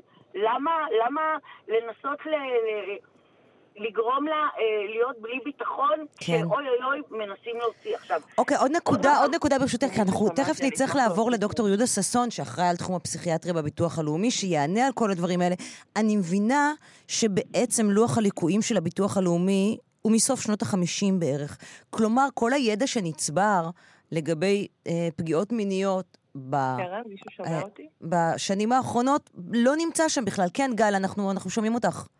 היי, um, רק רציתי להוסיף על זה, כי זאת נקודה מאוד חשובה למה שאמרת עכשיו. כשהגענו באותו יום uh, עם המרכז, עם, uh, עם עמותת סלעית, להרצות, להרצות בעצם מול הפסיכיאטרים, הייתה גם הרצאה של הפסיכיאטר הראשי של המערך הזה, על זנות. הוא הביא נתונים ממחקרים שנעשו במאה ה-18. ישבו שם והתדיינו גברים ונשים על אה, האם, אה, האם אה, טראומות כמו פגיעות מיניות או זנות יכולות להיכלל במאפיין הראשון, בקריטריון הראשון של פוסט-טראומה מורכבת. וזה היה נראה לי אבסורד שאני יושבת מול האנשים שאמורים לדעת הרבה יותר טוב ממני. אני שלושה ימים של, של ריסרצ' בגוגל ו- ו- ולדבר עם אנשי מקצוע, לומדת את מה שאנשים שזו העבודה שלהם, שאמורים להיות מוכשרים בה, לא יודעים. אוקיי. הם לא יודעים. כן, זהו, זה, זה, זה נראה לי לב הסיפור כאן. טוב, אה, אני מאוד... מאוד... אה, רגע, אנחנו, תקשיבו, אני פשוט, אני חייבת לאפשר לדוקטור ששון להתייחס, כי נאמרו כאן טענות קשות, ואנחנו רוצים שהוא אה, יוכל לענות עליהן, אה, כדי גם לקדם את העניין, כדי לצאת מכאן גם עם משהו קונקרטי. אז תודה רבה אה, לשתיכן, אה, לגל אמת אה, ולמירי מדעי בשלב הזה. אתן מוזמנות להמשיך כמובן ולשמוע את השיחה. שלום לדוקטור יהודה ששון, אחראי על תחום הפסיכיאטריה בביטוח הלאומי. שלום, בוקר טוב. שמעת את הדברים. אני חושבת שאין צורך שאני אשאל, פשוט תתייחס. אז קודם כל אני רוצה להתנצל בפני גל ובפני כל מי שחווה חוויה שלילית בוועדות. אנחנו באמת שמים בשנים האחרונות הרבה מאוד דגש על, אה, על המודעות והרגישות בנושא של ועדות לנפגעות תקיפה מינית, ועשינו משהו מאוד ייחודי בשנים האחרונות, שיזמנו הקמה של ועדות כאלה. שאין את זה בשום תחום אחר בביטוח לאומי. זאת אומרת שזה ועדות שמיוחדות בשום... לנפגעות תקיפה מינית. נכון, ושזה אז איך יכול ש... להיות ש... שאותה פסיכיאטרית אה, יושבת בוועדה גם, כזאת? אני אגיד, אני אגיד גם על זה. אחד מה... שני נתונים נדרשים אה, מפסיכיאטרים שיושבים בוועדות האלה, אנחנו משתדלים שיהיו בהם יותר נשים, יותר פסיכיאטריות נשים גברים, מתוך מודעות לרגישות של, ה, של הבדיקה הזאת, ואנחנו משתדלים שיהיו בהם פסיכיאטרים ופסיכיאטריות שאנחנו יודעים שהם רגישים ומגלים רגישות מאוד גבוהה. והפסיכיאטרית הזאת שאתם כאילו מדברים עליה כרגע, לא כאילו, אנחנו מדברים פה, עליה. שמדברים עליה כרגע, יש לנו מכתבים של עורכי דין שהופיעו בפניה, ושעורכת דין כותבת לנו שהיא מתרשמת שהפסיכיאטרית מבינה ומודעת לצורך הרגשי של נפגעת התקיפה המינית לצד הצורך של אבל אנחנו הבאנו כאן עכשיו מקרה אחר, ובואו נתייחס אז... אליו, ואני יודעת, כן, אני יודעת שאתם מודעים לבעייתיות של אותה פסיכיאטרית. משיחות שקיימנו עם הביטוח הלאומי, שיחות רקע, אני יודעת שאתם מודעים. אז בואו לא ננסה עכשיו לצייר מצב שהכל בסדר. יש לנו ארבע תלונות לגבי אותה אישה. למה לפני שנה כבר, כן, כשגל הייתה לפניה, לא טיפלתם בזה? קודם כל, גל לא הגישה תלונה. גל, התלונה... סלעית הגישה תלונה בשמה של גל. לא. גל הגישה, אה, התלונות שקיבלנו סל... על הרופאה הזאת הן רק מהחודשיים האחרונים. סלעית הגישה תלונה רגע. בשם גל. סלעית לא הגישה תלונה. הם הגישו תלונה, אולי אתם לא מוצאים אותה, אבל היא הגישה, כן. כן, כן, אני רוצה לחדד. כן. אני אה, וגל, אה, אם היא עדיין רק יכולה גם אה, לאמת את זה, ממה שאני יודעת, סלעית פנתה, הרי לא סתם גם צמחה אותה הרצאה של גל בפני הפורום של הפסיכיאטרים, mm-hmm. סלעית פנתה לגורמים בביטוח לאומי בשביל, בגלל המקרה של גל, בגלל ה... ה אני אומר את זה, אולי החוויה המאוד קשה שלה וגם אולי של אחרות mm-hmm. שעלו פה, ומכך גם צמחה אותה הרצאה, זאת אומרת, זה לא היה out of nowhere. אוקיי, כן. אני מוכרח לתקן, אני מוכרח לתקן, קודם כל לשים את העובדות על השולחן. הנושא של אה, שורדות זנות בוועדות של המוסד לביטוח לאומי עלה עוד הרבה קודם. עלה עוד בישיבה עם חברת הכנסת עליזה לביא בכנסת הקודמת, שהעלתה את המודעות שלנו לנושא הזה ולצורך האם זה אומר שזה הגיע לפסיכיאטרים והם מבינים? זה הגיע לפסיכיאטרים, והיום עיון הזה שגל השתתפה בו, שהיה באמת בהנחייתי, רק אה, קצת אני אתקן כמה דברים שגל אמרה אחר כך, אבל היום עיון הזה היה כתוצאה מהיוזמה הזאת. היוזמה שלנו, כמוסד לביטוח לאומי, הייתה שאנחנו צריכים... אתה אגב שם לב שגם עכשיו אתה מדבר בפטרונות כלפי גל? חס ושלום. חד לא משמעית. לא אני אתקן כמה דברים שגל אמרה. כן, כי היא אמרה, היא ציינה משהו לגבי מחקרים שהבאתי בהרצאה הזאת, ואני הבאתי שם באמת מחקר השוואתי שמראה על הגישה לנשים שורדות זנות ב-1917 לעומת הגישה ב-2017. ולכן כאילו מוצע כאילו אנחנו מתייחסים לרמת הידע שהייתה ב למה זה, אני לא מבינה למה זה רלוונטי. לוח הליקויים של הביטוח הלאומי הוא מסוף, הוא מסוף שנות החמישים, למה הוא לא השתנה עד היום? קודם כל, הסעיפים הפסיכיאטריים השתנו, השתנו ב-2014. כולל ביחס לנפגעות תקיפה מינית? כולל בנוגע לנפגעות תקיפה מינית. האם יש הכרה בפוסט-טראומה של נפגעות תקיפה מינית? בוודאי, בוודאי. אוקיי, למה זה, לא בא לידי ביט... למה זה לא בא לידי ביטוי בוועדות עצמן? כפי שאנחנו שומעות ביטוי. גם ממירי וגם מגל. מירי לא מדברת על פסיכיאטרית אחת. מירי מדברת על שלל מקרים שבהם היא מלווה נפגעות תקיפה מינית, ואין שום רגישות למצבם. אני אומר לך, כמי שמשתתף חוסר הבנה קשה ביותר. אז אני אומר לך, כמי שמשתתף בוועדות האלה על בסיס קבוע ויומיומי, שיש רגישות מאוד גבוהה. יש כמובן מקרים חריגים כמו המקרה של גל או מקרה אחר, למה תקיפה מינית לא הופכת, ולא... למה תקיפה מינית היא תחת נכות כללית? כל בעיה שהיא בעיה רפואית, שהיא לא תוצאה של פגיעה בעבודה, היא תוצאה, היא נידונה בנכות כללית. הלם קרב זה בנפרד. למה? הלם קרב זה לא בנפרד. הלם קרב, אם זה תביעה למשרד הביטחון, זה נידון בכלל במשרד הביטחון. אוקיי, אז אולי הגיע הזמן שגם הלם קרב יהיה בנפרד. יכול להיות, אנחנו לא, אני לא מדבר כרגע על משרד הביטחון, אני מדבר כרגע על נפגעות תקיפה מינית, ואני חושב שאנחנו עשינו, צע, יזמנו צעד מאוד חשוב בנושא שיש הכרה, וההכרה הזאת באה לידי ביטוי בזה שהקמנו ועדות יהודיות שאין בשום מקום. אוקיי. אין בשום הפרעה אחרת. אוקיי, טוב, אה, משפט אחרון שלך, יושבים... ברשותך, כי אנחנו... אני רוצה, אנחנו אני פשוט חייבים לסיים, אבל כן. את אה, קרן, אני רוצה לא, לשאול אנחנו, את דוקטור ששון רק שאלה אחת. Mm-hmm. מה הם מתכוונים לעשות עם אותה פסיכיאטרית? אז קודם כל, אמרתי קודם, אנחנו כרגע בשלב הזה, בשלב בירור של שתי התלונות שהגיעו בחודשים האחרונים. Uh, התלונות האלה נמצאות בבירור, ועד לתום הבירור, אנחנו לא, הפסיכיאטרית הזאת לא מזומנת לוועדות של נפגעות תקיפה מינית, ואנחנו כרגע בשלבים סופיים של השלמת הבירור העובדתי של מה שקרה שם, ואם נמצא שבאמת היא לא יכולה להמשיך לעשות את הוועדות, אז אנחנו okay. אוקיי. נפעל בדרך. אנחנו נמשיך ונעקוב. אני מאוד מאוד מודה לכם. אה, גל אמת, תודה רבה לך על הדברים אה, שאמרת כאן. מירי מדעי, מרכז סיוע תאיר, דוקטור יהודה ששון, אחראי על תחום הפסיכיאטריה בביטוח הלאומי. וורד פלמן, הכתבת שלנו שהביאה את הסיפור, כן? ורק אני רוצה לציין שאנחנו פנינו באופן ישיר גם לדוקטור אור וגם דרך הביטוח הלאומי, ולא הצלחנו לקבל את תגובתה של דוקטור אור. ורד פלמן, תודה לא רבה לך. פשוט לא נתנו לנו גם לדבר איתה. תודה רבה. פרסומת ותכף חוזרים. 11.34 כאן אה, בסדר יום, שלום לסיון קפלן. שלום.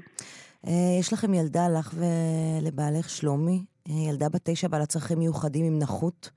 ואתם מבקשים מזה זמן לעבור לדירת קרקע, אתם זכאים לדיור ציבורי, וזה לא קורה. נכון, קודם כל חשוב לציין, שלומי הוא אבא חורג של שירה. וכן, לגבי דיור ציבורי זה פשוט מחדל, מה שקורה שם. באיזה דירה אתם גרים היום? מה זה אומר מבחינה יומיומית עם הילדה? אני אסביר קצת על המחלה של שירה, ואז אני אוכל להסביר בדיוק מה הבעיה. אנחנו, שירה יש לה שיתוק מוחין ואפילפסיה טוני-קלוני, שכולם מכירים. בנוסף, יש לה אפילפסיה נדירה, שהיא מתבטאת בהקאות דם. כל חודש שירה מקיאה דם, גלונים של דם. במשך שבוע בבית חולים, חוזרת הביתה פשוט זהודית לגמרי. אני מרימה אותה מחדר לחדר, מפינה לפינה, פשוט צועדת אותה. וביום יום, בגלל שאין לה אפשרות להתנייד, היא פשוט זוחלת. והקושי שלנו שאנחנו נמצאים בבית לא מותאם, בית שהוא 69 מטר מרובע לא מותאם ואין גישה לאמבולנס. כשאנחנו ניגשנו למשרד השיכון וביקשנו שיתאימו את הבית הנוכחי הזה, הם אמרו לנו אין אפשרות. תבקשו העברת דירה. ביקשנו העברת דירה וקיבלנו אישור להעברת דירה. ברגע שקיבלנו אישור, כרגיל, משרד השיכון אמר, אין בתים, אין תקציב. ואז בעלי נסע לצפת, הביא דירה, אה, הביא תמונות של דירה מצפת, קיבלנו מידע שיש דירה mm-hmm. בצפת. הוא ניגש למשרד השיכון, הוא אמר להם, הנה, דירה בצפת, היא נגישה, היא קרקע.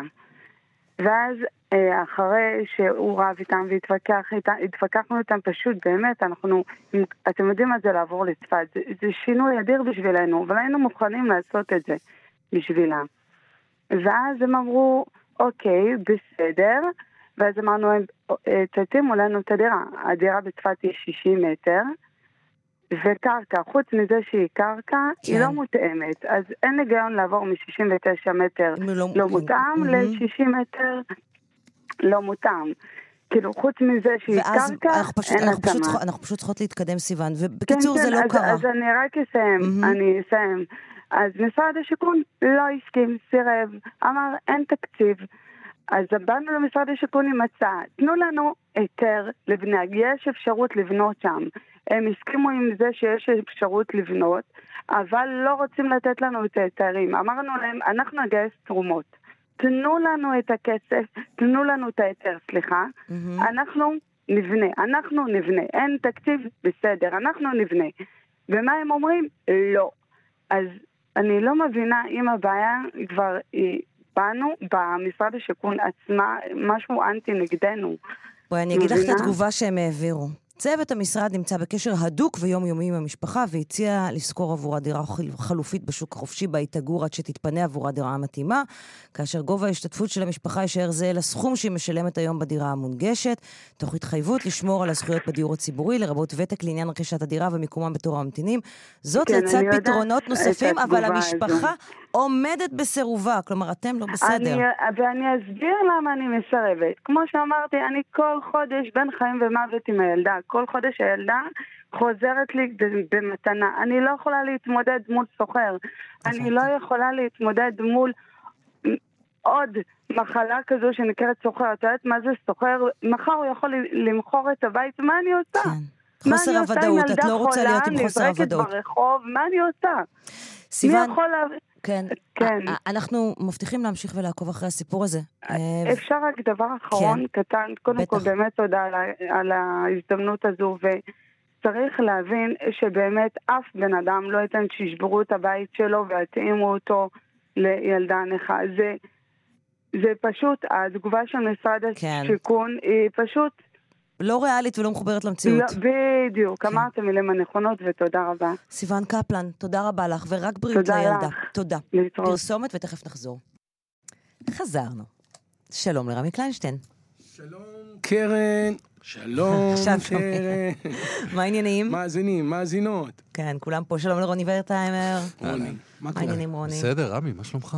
שלומי בסדר, שלומי ברכות, בסדר. ברכות. תודה. חצי יובל, תפוחים כן, זהו. בדיוק. איך זה מרגיש שמישהו אה, בא אה, ואתה אומר, אי אפשר- כן, אי אפשר ל- לארוז את זה יותר טוב. 25 שנה מילא, חצי יובל. יובל, אני פה קמל. מה זה חצי יובל? נורא. לא, זה, אנחנו, כאילו, זה מיד נשמע לנו נורא זקן. נכון? נכון? כן, אבל זה 25 שנה. אבל זה 25 שנה. זה מגניב. זה לא זקן, זה מגניב. זה... אה, תראי, אני לא... מזה, אין שום אני- דבר רע בזקן. לא, הכל, לא בעניין הזה. אני, אני, לא, אני לא נוסטלג'יסט, כאילו, ב, ב, ברירת המחדל שלי זה היום, כן. להיות עכשיו. ואולי טיפ-טיפה על מחר, אתה אומר. ו- אה, כן, אבל מחר לא... תראי, מחר אנחנו לא יודעים. כן. מה שהיה היה, אה, אה, יש לי איזה מין חתירה וחלום נורא גדול לנסות לראות מה זה ההווה כל. הזמן. שזה מיד עבר, זה מיד, כן. מיד הוא עבר, אבל זה ה- זה כאן מה שמדליק. אותי, כן. אבל כאן, ב- פה, בדיוק, זהו, כאן אמרנו. ועכשיו. כמוזיקאי, אה, זה תמיד איכשהו חוזר אה, אחורה, וזה כיף. אני רואה שאתה... כי היצירות שם, אין מה לעשות. מה שנקרא body of work. אלה הילדים. כן. אלה הילדים, האלבומים, השירים, ה- אמ, העבודה. זה, יש, אה, זה לא שאני מתעלם, חס וחלילה מתעלם, מופע שלי בנוי מ- מ- מהקטלוג הזה של, אה, של כל השירים האלה. ותפוחים ותמרים זו הייתה תקופה אה, מאוד, מאוד מעניינת, כי בעצם כל ההת- ההתחלה שלי מ-86 הייתה כזאת שהשירים היו הם, כאילו אצלי הם היו מחולקים, אני הייתי כותב לאחרים בצורה מהמם. מסוימת, וכותב לעצמי בצורה מסוימת, זה מין סכיצופרן. אה. אני יכול לכתוב את עוד לא תמו כל פלאייך, שהופך להיות נכס צאן ברזל, ואנשים חושבים, אולי הוא יכול להיות התחליף להמנון. עד כדי כך שמעתי סיפורים כאלה. בגיל אה, פחות מ-20 לדעתי עשית. 21, כשהשתחררתי מהצבא, ו- ושירים לריטה, ושרה ברחובות, והפצה את הדברים נורא נורא נורא ישראלים. אני, אני אגיד את המילה, mm-hmm. כאילו נורא ישראלים, אבל לא, אני, לגשר הישן, אש, פופ, אמריקה, כן. בריטניה, הפקות, שנים, ו- ו- ו- ועושה את זה, וחוצב, ו- וחורש, וממלא את מועדון הלוגוס במאה אנשים, ו- וריטה עוברת יום אחד ליד ומסתכלת על זה ואומרת, "זה- כאן, כאן אתה מופיע? אני, אני פותחת את הפה ובולעת אותם. זה עשר שנים ככה, ואז נפל האסימון. והרשיתי לעצמי פעם ראשונה אה, לכתוב אה, לא לאחרים את השירים האלה, אלא לעצמך. לנכס אותם אה, לעצמי כ- כ- כזמר. וז- וזאת הייתה התקופה הזאת, זה, זה היה ב-95. אז אה, בוא... נשאל- רגע, לא, לא, רוני, את ה- די, אוקיי, סליחה. כן, נכון. נכון. קרן, קרן, קרן היא master of time. אוקיי, דיברתי, עכשיו תשיר. בדיוק, אין ברירה, סליחה, רוני. אוקיי. כן, אנחנו. רוצים לשמוע את רמי שר. אוקיי.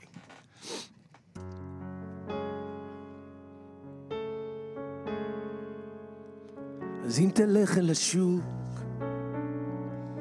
תראה אותה בוכה.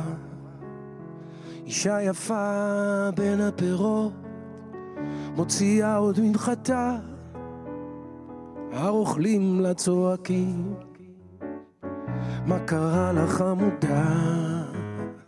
זה אהובי שלא רוצה, הוא מצא לו נערה.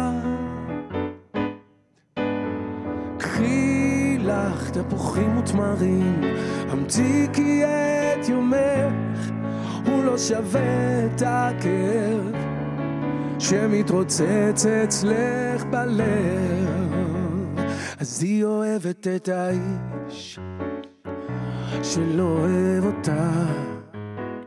שמלת פרחים ולחיים שושנים, לך לא מספיקים, מה אתה רוצה?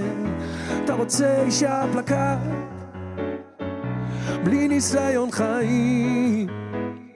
אתה רוצה ילדה נערה, קפואה ובלי קמטים. קחי לך תפוחים ותמרים, המתיקי את יומך. הוא לא שווה את הכאב שמתרוצץ אצלך בלב. נה נה נה נה נה נה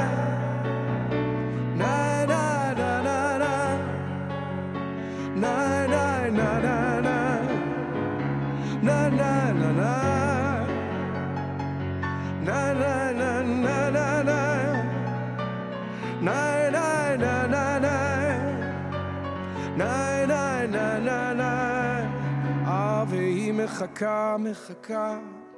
בין דוכני שווקים שאתה תרצה אותה אהובה. רק שנוח ומתאים.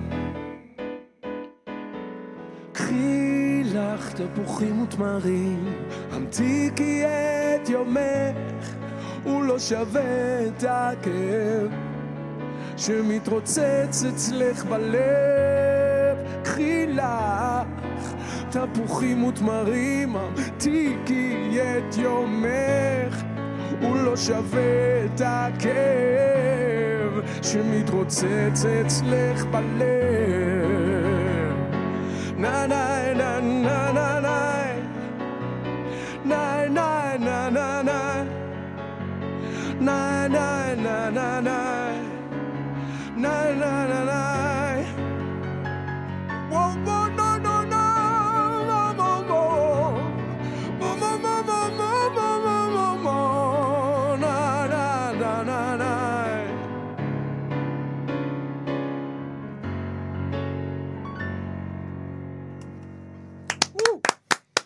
טוב, זה ענה על כל השאלות. כן, בדיוק. אתה נהנה לעשות את זה שוב, נכון? אין עניין בכלל, זה לא... זה בכלל...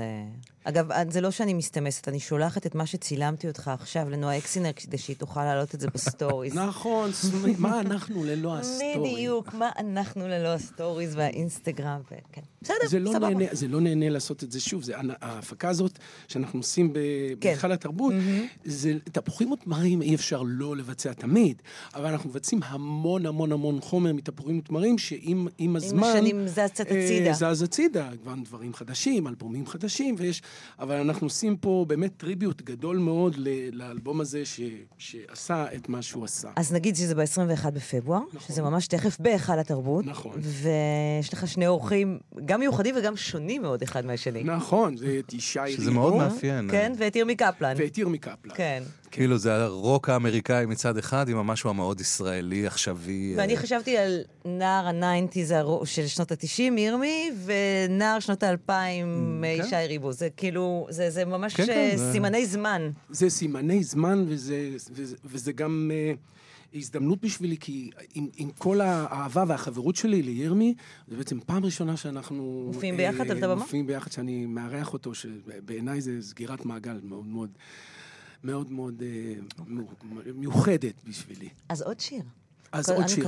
אז תראי, אני, אני אגיד לך, אני לא יודע, אני, לא יודע כמה זמן יש לנו, אבל יש אני... לנו עוד אה, שבע וחצי דקות עד תום התוכנית. אז אני אגיד לך משהו. כן. זה, um, אני הרגשתי קצת פחות חגיגי הבוקר, כי אני, בלי לציין את, ה, את הרדיו, ששמעתי את הכתבה, אבל uh, אז הרגשתי קצת פחות חגיגי לדבר על עצמי ועל תפוחים תמרים, מבלי לציין את, ה, את, ה, את האבסורד הזה של, uh, של העניים, שמחכים ל- לביטחון התזונ... המזון הזה והתזונתי הזה, כן, שאולי פרויקט יצא. הביטחון התזונתי שאינו מקבל מימון כבר מספר חודשים בגלל שאין תקציב, ויש לזה ממש, לדעתי, ברגעים אלה דיון בכנסת. נכון. אה, בניסיון לאשר את התקציב ל-11,000 משפחות. ושמעתי אה, בחור מקסים מבת ים, שלא מצליח לאר- לארגן שיהיו ביצים לילדים שלו. הרגשתי שאני חייב אה, לאותו בחור, נאור גובס, להקדיש לו את השיר, את חוץ ממך כלום.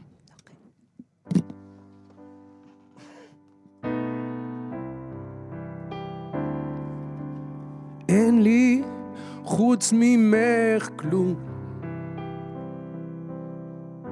לצאת ביחד למרכז המסחרי, להתבונן בחלונות המטופחים. למתנ"ס שליד המזבלה, לקחת את הילדים לים, לרדת להסתכל בגלים. רוח לא עולה כסף, גם לא חלומות. רק שהרוח תקרר אותי, ואין לי כסף בלי תרופות. חלומות הילדים לא יאכלו. המפעל נסגר, הבנק סגר, הכוח נגמר והלב נשבר. אין לי חוץ ממך כלום. אחבק אותך, נתנשק. נשים את הילדים אצל אמא שלך, ונתעלס בשירותים של הקולנוע, או של המרכז המסחרי החדש, כי הארץ מתפתחת כמו הזין שלי, כשאני מחבק אותך, אני מחבק אותך, אחר כך דועך, אחר כך דועך. המפעל נסגר, הבנק סגר, הכוח נגמר והלב נשבר. אין לי חוץ ממך כלום,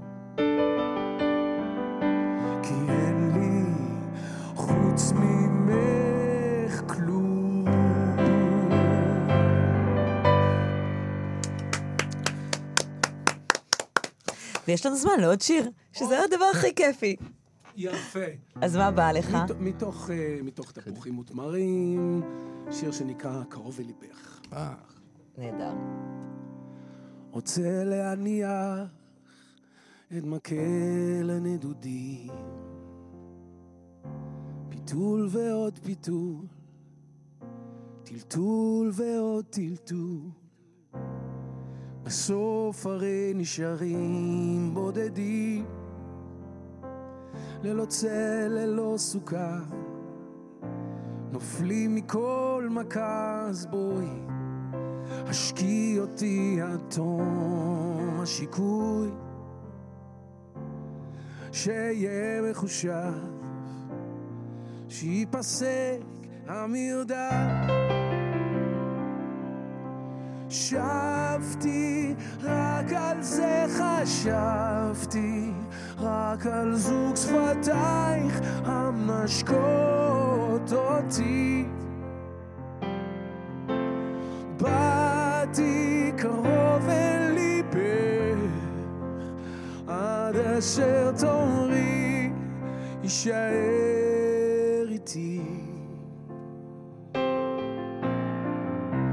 רוצה להניח את מקל הנדודים. מסלול ועוד מסלול אני אני חציתי את הגבול בין סתם שעשוע לאיבוד עתיד. עכשיו הלב רעב אז תני להתקרב. נשקי אותי, השקי אותי עד שיהיה מחושב שייפסק המרדף שבתי, רק על זה חשבתי רק על זוג שפתייך המשקות אותי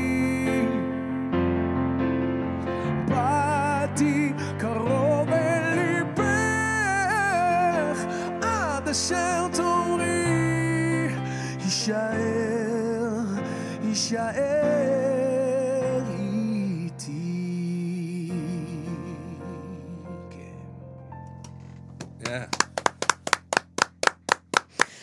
איזה יופי. טוב, מה על 25 שנים הבאות? אה, בריאות, בריאות, אהבה, תקווה, שלום פנימי, שלום חיצוני. כן. זהו, ביקשתי הרבה. אפשר לבקש גם מוזיקה? אפשר- אה, כל מה שאמרתי עכשיו זה מוזיקה. זה... מוזיקה לאוזניים. כן, בדיוק. כן, אבל אתה מתכנן להמשיך וליצור על הדרך. יש לי ברירה, עורך דין זה לא יהיה. לא יקרה כבר. חקלאי אולי בגלגול אחר. אה, זה מה שאני יודע לעשות. זה מה שאני יודע לעשות. בסדר, זה- כן, זה לא כזה גרוע, אתה יודע. לא, לא, אני לא אומר. ראיתי בחירות מקצוע יותר גרועות מאלה. אני לא אומר, יש לי שתי בנות שממשיכות את הדרך ושהן נפלאות אחת-אחת. אבל אם יהיה איזה ילד אחד מהקטנים האלה שיעשה משהו אחר, זה מאוד ישמח. זה ישמח אותך, כן, עם כל הזה? מאוד ישמח אותי. לעשות עבודה רצינית, משהו אמיתי, משהו- משהו, לא מהמקצוע המעופף הזה. תן עוד, תחכה עוד כמה שנים לראות מה יתאים, איזה מקצוע יתאים בעוד, אה, כן. כשהילדים יגדלו. בעזרת השם. רמי קליינשטיין, תודה רבה רבה שבאת אלינו לאולפן, היה. לנו כיף גדול. תודה אה, רבה. שתהיה הופעה נהדרת, אני בטוחה, 25 שנה לתפוחים ותמרים. 21 בפברואר, יום שישי צהריים. בהיכל התרבות. רוני ורטהיימר, תודה רבה גם לך. תודה, תודה, סוף שבוע נעים. תודה לעורכת מירית אושמה מיטרני, על ההפקה דנה אסרף ותומר שלפניק, על הביצוע הטכני יוג'י גבאי. תודה רבה לכם, מאזינים יקרים, שהייתם איתנו כאן בשעתיים של סדר יום. יום ראשון אני לא אהיה, אחזור ביום שני, אתם בידיים בטוחות, שיהיה לכם סוף שבוע מצוין. שבת שלום להתראות.